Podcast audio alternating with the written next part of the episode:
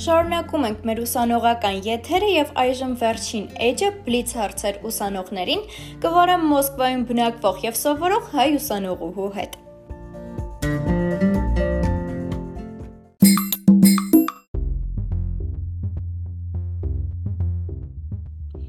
Ողջույն Արփի։ Բարև։ Սկսեցինք։ Ժամը քանիսին է սկսվում դասերդ, թե դրանց ընտրությունը ձերն է։ Ընտրությունը մերն է, որովհետև յուրաքանչյուրս ունենք մեր անհատական ուսուցման պլանը, այդ իսկ պատճառով ինքներս ենք որոշում երբ սկսել մեր դասերը։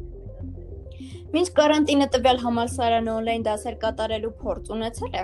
Այո, իհարկե, մենք ունենք մեծ փորձ մանրատիպ դասընթացներ կազմակերպելու հարցում, այդ իսկ պատճառով դեռևս ոչ մի խնդիր չի առաջացել։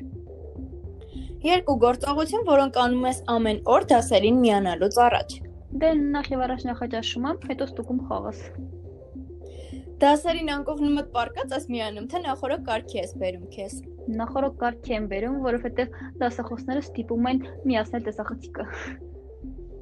Փոփոխություններ, որոնք նկատել ես քեզ մոտ վերջին շրջանում։ Դե ցավոք սրտի դարձել եմ ավելի ալարկոտ եւ ավելի քիչ ժամանակ եմ տալիս դասերից։ Փոփոխություններ, որոնք տանեցիներդ են նկատել քեզ մոտ։ Ինձ թվում է նույն փոփոխություններն են իրենք են նկատել։ Թվիր տանը ողջ օրը անցկացնելու մեկ դրական եւ մեկ բացասական կողմ։ Դրական կողմը այն է, որ մեծ ուշադրություն եմ դարձնում հոբիիս, բացասականը ճիշտ ասած բացասական չկա դեռ։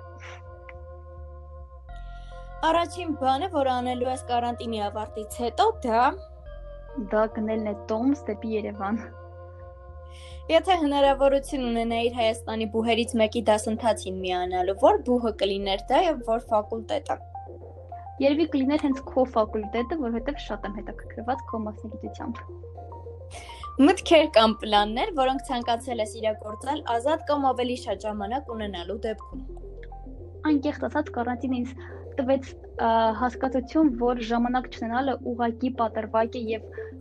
շատ բաներ մենք կարող ենք հասնել մեր առօրյա կյանքում, եթե լինենք ավելի համառ եւ մի փոքր ավելի քիչ ալարկոտ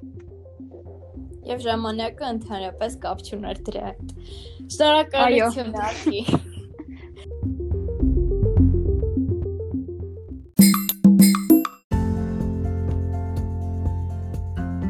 Դե ինչ, իրար նման ու տարբեր ուսանողական կյանքն այսօր այսպիսին էր։ Ձեզ հետ ուսանողական եթերներ։ Կհանդիպենք